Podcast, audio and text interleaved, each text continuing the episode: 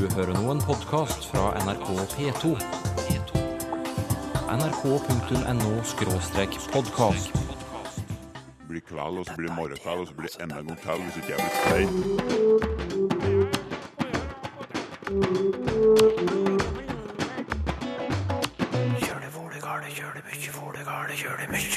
Det kjønnsnøytrale pronomenet hen brukes stadig oftere i Sverige. Man ser det i mange aviser, på mange blogger, og man kan høre det brukt. I Norge ser du det aldri på trykk, eh, med noen få unntak, da. Jeg syns at hen er kort og greit, det er muntlig, det flyter fint. Og hvor mange dialektord kan du for balltre?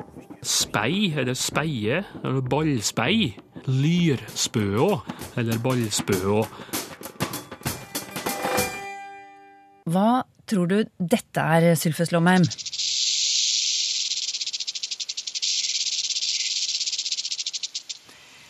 Dette tror jeg må være en fugl. Det høres Haha, det var det ikke. Du, det var lyden av klapperslange. Ai, ai, ai, ja. Og- Nettopp. Ja, hvilket bevegelsesverb fra dyreriket er det jeg hinter om da, tror du? Å slanga seg. Ja! Så bra! Ei. Så flink du er! Ja, takk. Det var litt søkt kanskje med den klapperslangen, da, men litt morsomt også. Eh, Men du, hva gjør vi mennesker når vi slanger oss? Ja, nei, da kveiler vi oss, Ja, tror jeg. Altså, med, med, jeg ser for meg at du sitter i en sofa, en, og så, og så trekker du beina opp i under deg og i det hele tatt. Jeg tror ikke det er noe fastlagt eh, system eller et kram at du skal være på en bestemt måte, men jeg ser for meg at du liksom lager en, en rull av deg, i den grad et menneske kan, kan lage en rull av seg. Altså, vi, vi trekker oss litt sammen, og det blir litt rundt, og i det hele tatt. ja, det er den bevegelsen du ser Ja, for deg. ja. Du, For et par uker siden etterlyste jeg bevegelsesverb som har dyrenavn, og det har kommet mange innspill både på e-post, Facebook, Twitter, og annet da å slange seg. Lytterne har også sendt andre dyreverb som beskriver bevegelse. Å krabbe, å gampe, å snegle seg av gårde, å åle seg fram, å Ja. reke.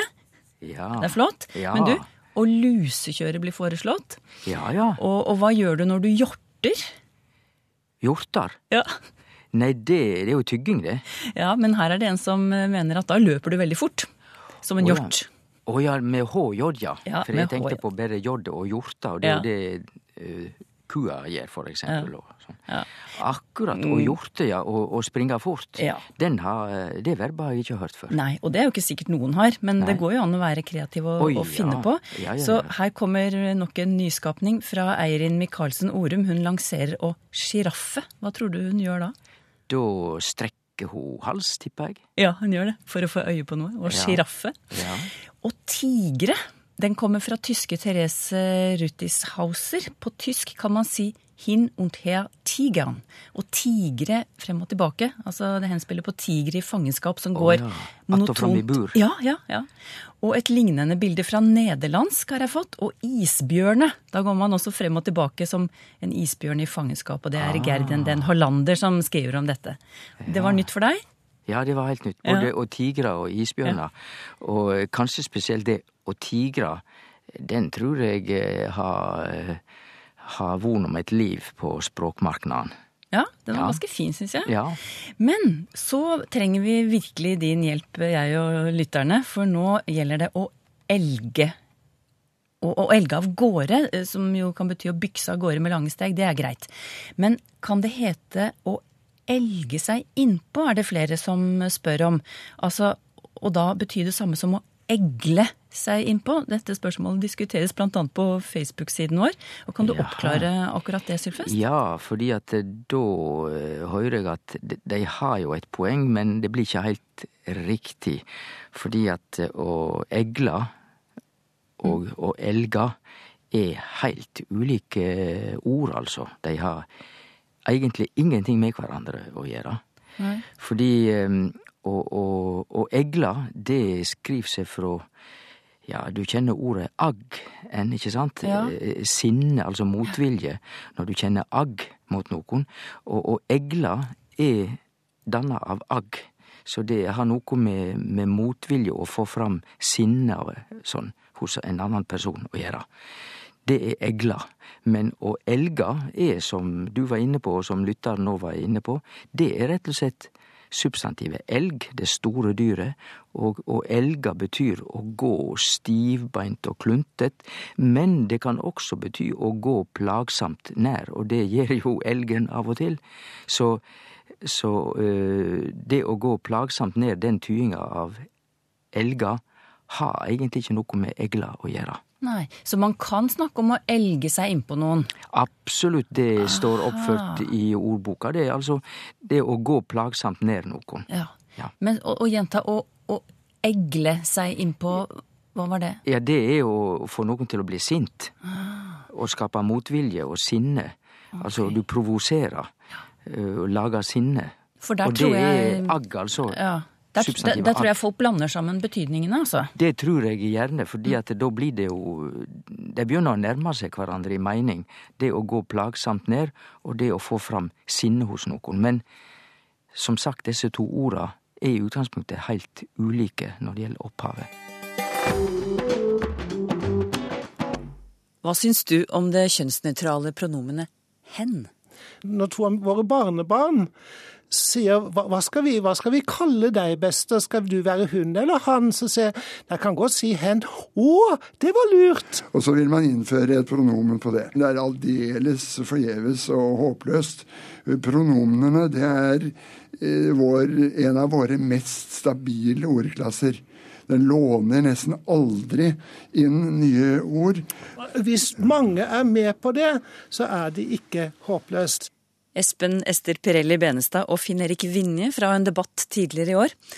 Ja, hen har vært snakket om, skrevet om og debattert, men nesten ikke brukt her i landet.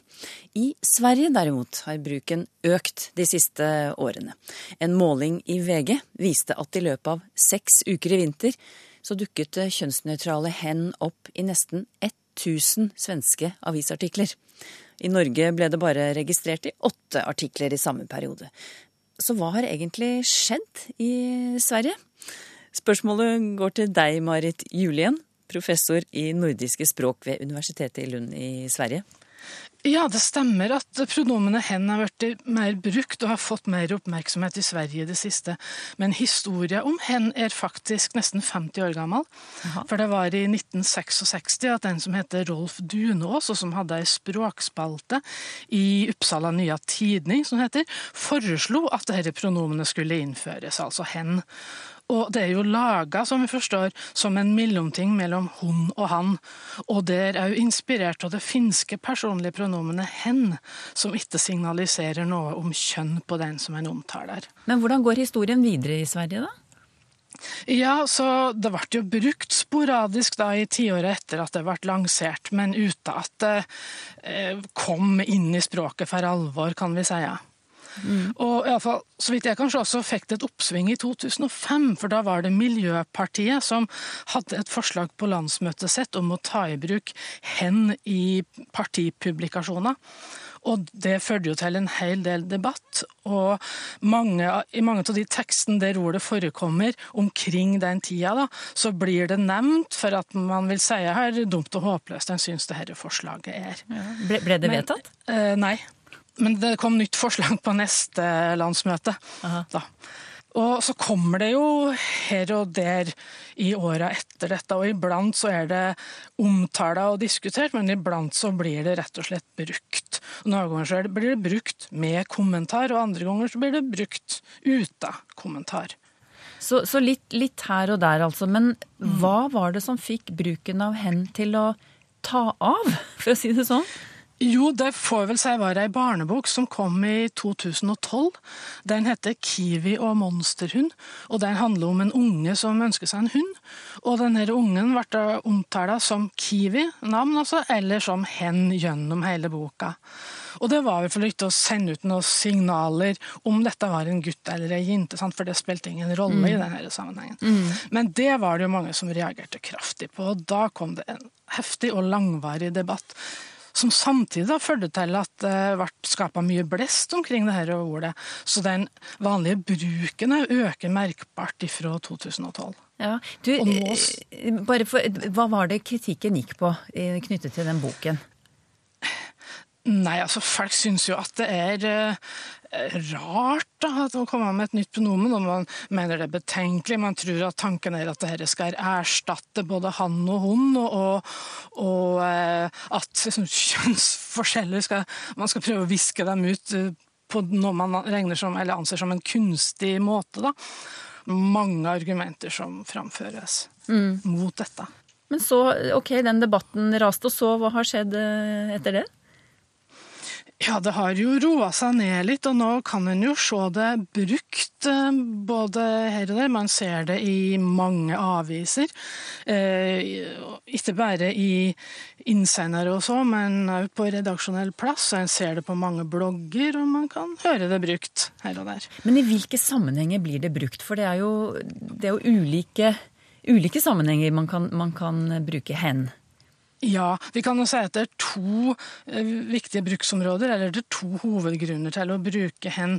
Og det ene kan ha med, har med avsenderens behov å gjøre, med behov som har med teksten å gjøre, eller så kan det ha å gjøre med den som blir omtala.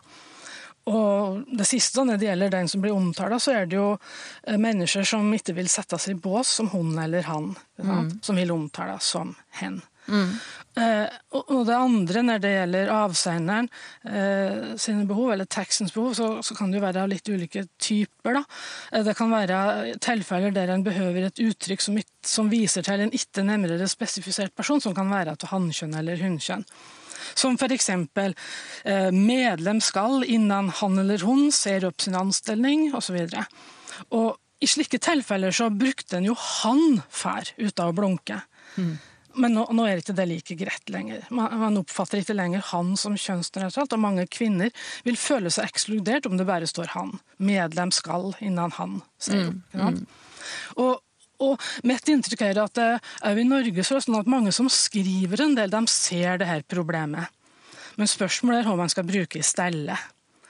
Og en kan jo skrive han eller hun, man kan skrive vederbørende på svensk, vedkommende altså, man kan skrive personen.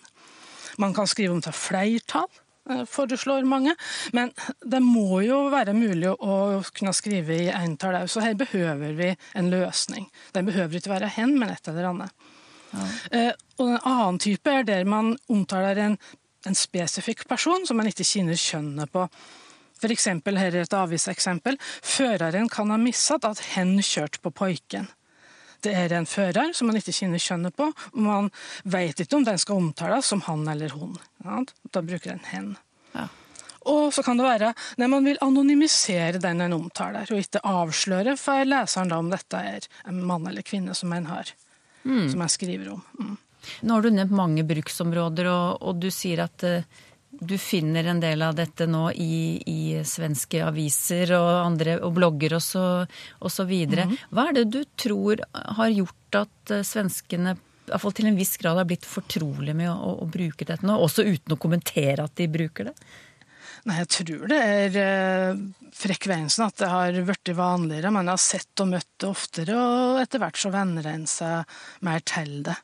Hva, hva tror du Ja? Ja, det tror jeg jo kunne skje på norsk. Altså, jeg forstår jo de som sier at det er eh, vanskelig å innføre et nytt pronomen. For det, det er klart at Vi er ikke vant til å måtte forholde oss til nye pronomen. For de aller fleste nye ordene som kommer inn i språket, det er mer det vi kaller for innholdsord. De hører til de åpne ordklassen. Altså først og fremst substantiv og verb. Og også et eller annet adjektiv som kul og tøff og sånn. Mm. Eh, pronomene de er jo en del av de grammat av det grammatiske systemet. Og det er ikke vanlig at vi gjør forandringer i det. Og det vil føles mer dramatisk med et nytt pronomen, og tilvenningstida blir lengre. Det er helt rimelig enn ved f.eks. et nytt ord som selfie, som har kommet inn ganske fort. etter det jeg forstår. Men det er jo ikke umulig å venne seg til nye pronomen heller. Og vi skal jo understreke at det er ikke snakk her om å erstatte de pronomene vi har fra før, det er snakk om å innføre et nytt alternativ for bruk der det er behov for det. Så her I Sverige så ser en det jo oftere og oftere i aviser, da, særlig på kultursider kanskje. Og har jo også hørt det i bruk, og har man møtt det tilstrekkelig mange ganger, så syns man ikke at det er fullt så rart lenger. Jeg syntes det var uvant til å begynne med, men nå merker jeg at jeg faktisk har vent meg til det. Det går an å venne seg til et nytt pronomen, mente Marit Julien, språkprofessor ved Universitetet i Lund i Sverige. Og her er et eksempel på hvordan hen har vært brukt på norsk. O Horten, where art thou? Dersom Bent Hamer og Cohen-brødrene hadde fått et kjærleiksbarn, ville nok vedkommende stilt dette spørsmålet dersom hen fikk vite om hva som nå skjer i Horten kommune. Dette var et utdrag fra en tekst eh, som du har skrevet, Jens Kiel, og den teksten har stått på trykk i Klassekampen, der du er politisk journalist. Og så brukte du pronomenet hen i dette lille utdraget. Hva slags forhold har du til hen? Jeg har et godt forhold til ordet hen. Jeg syns at eh, det dekker et behov som eh, vi har hatt. Fordi det beskriver noe ute i verden som journalister og andre av og til skriver om, nemlig enten situasjoner der vi ikke veit kjønnet på et menneske, eller der personen ikke ønsker å identifisere seg som mann eller kvinne. Hva er galt med f.eks. ordet 'vedkommende'? Det er ikke noe galt med ordet 'vedkommende' eller han-hun, som han også av og til bruker. Men jeg syns at hen er kort og greit, det er muntlig, det flyter fint. Og jeg syns at det, det, passer godt i, i, tekster som skal være litt sånn lette og personlige, f.eks. Du har brukt hen i et par avistekster så langt. Hva slags reaksjoner har du fått? Veldig få. Men det er noen som har bitt seg merke i det, og som har eh, vært veldig positive. De syns det er fint at, man, at, vi prøver det ut, eller at jeg prøver det ut. Og de setter pris på at vi bruker det. Det er jo bl.a. folk som, som, ikke har, som ikke ønsker å si at man er mann eller dame, og som etterlyser at, at vi tar i bruk ord som hen. Og da syns jeg at det er fint å kunne være med og bidra til det. Så det er hyggelige reaksjoner. Hva var det som gjorde at du fikk lyst til å prøve ut hen på trykk?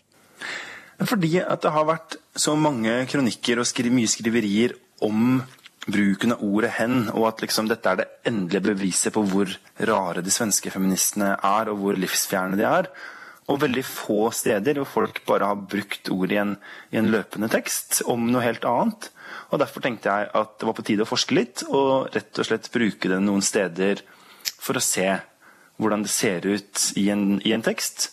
Eh, om det stikker seg veldig ut, eller om det rett og slett eh, passer godt inn. Eh, og det at jeg har fått såpass få eh, reaksjoner av typen negativ, kan jo tyde på at eh, det egentlig ikke er så fremmed og vanskelig som en del kritikere vil ha det til. Sa Jens Kiel, journalist i Klassekampen. Det blir kveld, og så blir det morgenkveld, og så blir det enda en kveld hvis ikke jeg blir klein. Lytterne sender oss dialektspørsmål, Tor Erik Gjenstad. Og selte, det er et ord vi snakket om i en tidligere sending. Et dialektord for balltre. Sverre Hatle skriver til oss og forteller at i Surnadal på Nordmøre, der han bor, der sier de ballspøå. Og da lurer jeg på, finnes det mange dialektord for balltre? Ja, det gjør det helt sikkert, og det tror jeg ikke er helt fullstendig kartlagt heller, så folk må nå gjerne sende inn dialektord for balltre. Så kanskje kunne ha fått kartlagt det litt bedre. Ballspøa, som Sverre Hatle nevner fra Surndala, ja, det er jo typisk nordmørsord. Spø eller spøå eller ballspøå. Normalisert spode. Og det finnes også som spåene i Indre Sogn. Ellers så har du jo et som ligner litt, det er spei, eller speie, eller ballspei. Det finnes på Indre Nordmør, det òg, så går det over i Romsdalen så vidt. Og du har jo en annen sammensetning med spøå, som i alle fall finnes det er jo Surndalen og Rindalen på Nordmør. Lyrspøå. Og det er jo fordi at de snakker om å slå lyr, om å slå ball, slå langball. Men litt tilbake til det her med selte. Der nevner jo Sverre Hatle en variant som han har fra Fræna, Romsdal. Han er jo født fræning. Og der var det ei seltre med R. En eh, liten variant der, ja. Og det er interessant å få belegg fra det området, for seltre med R om balltre, det har oss ellers bare ifra Jæren. Også enkeltbelegg helt oppe i Vardø i Finnmark. Så den R-en her, altså den forma med R, seltre, kan nok ha funnes flere plasser innimellom.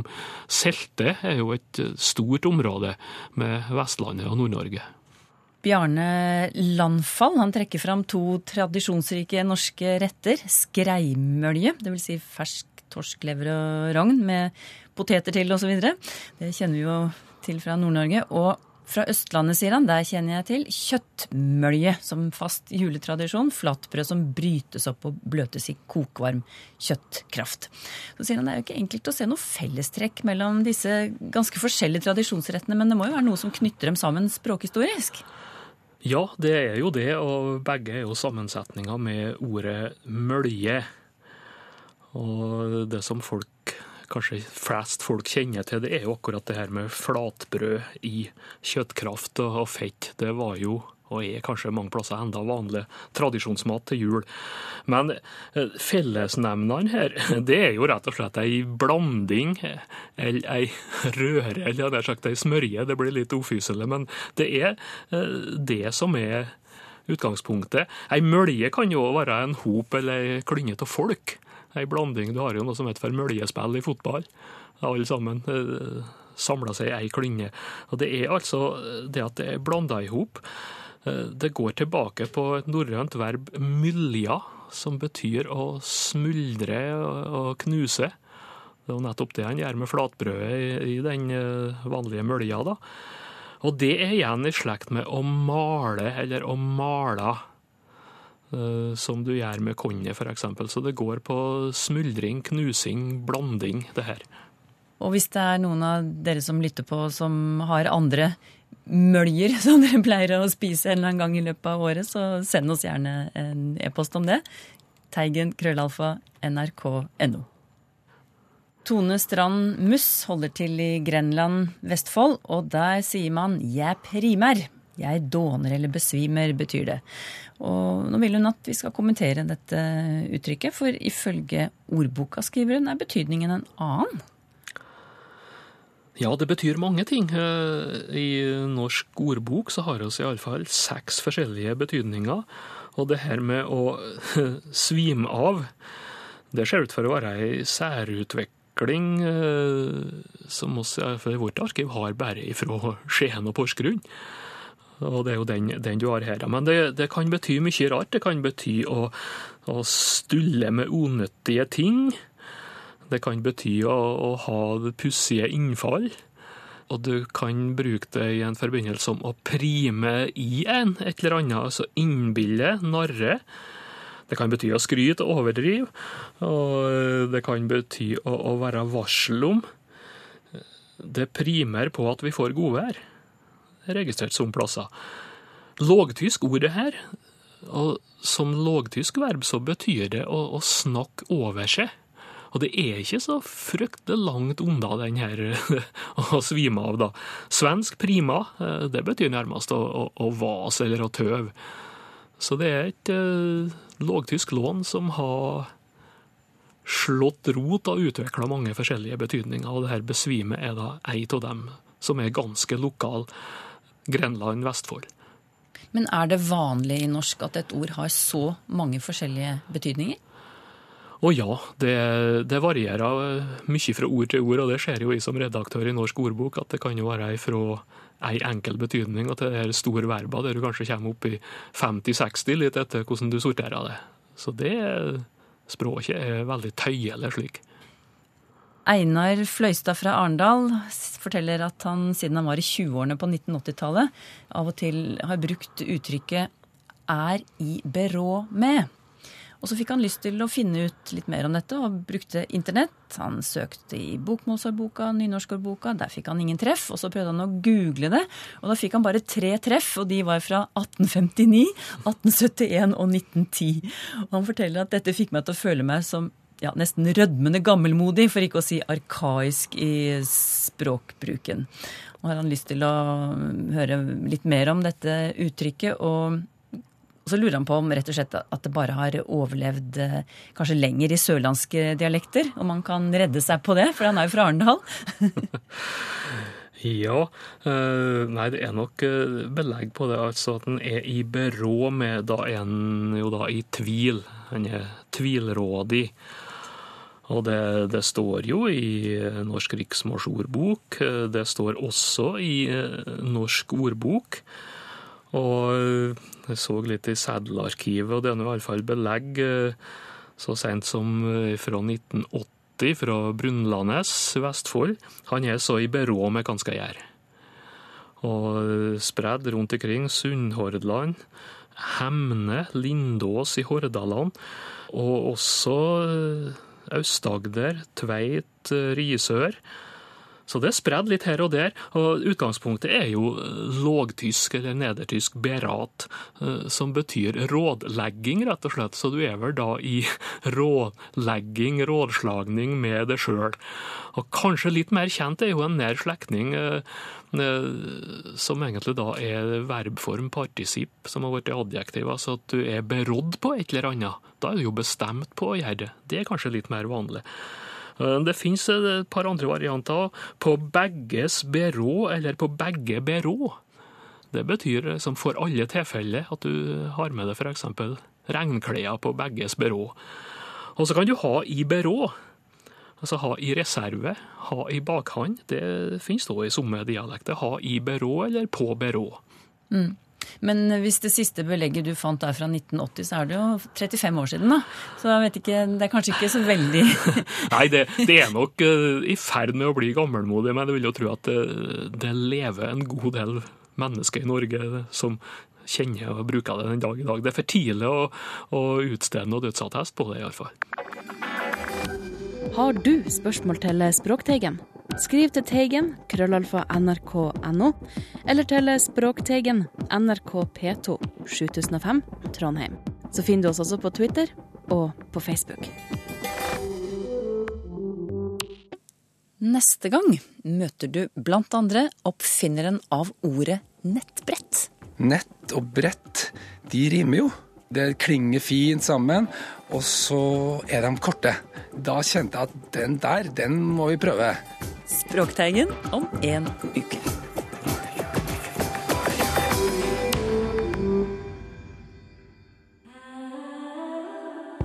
nrk.no podkast.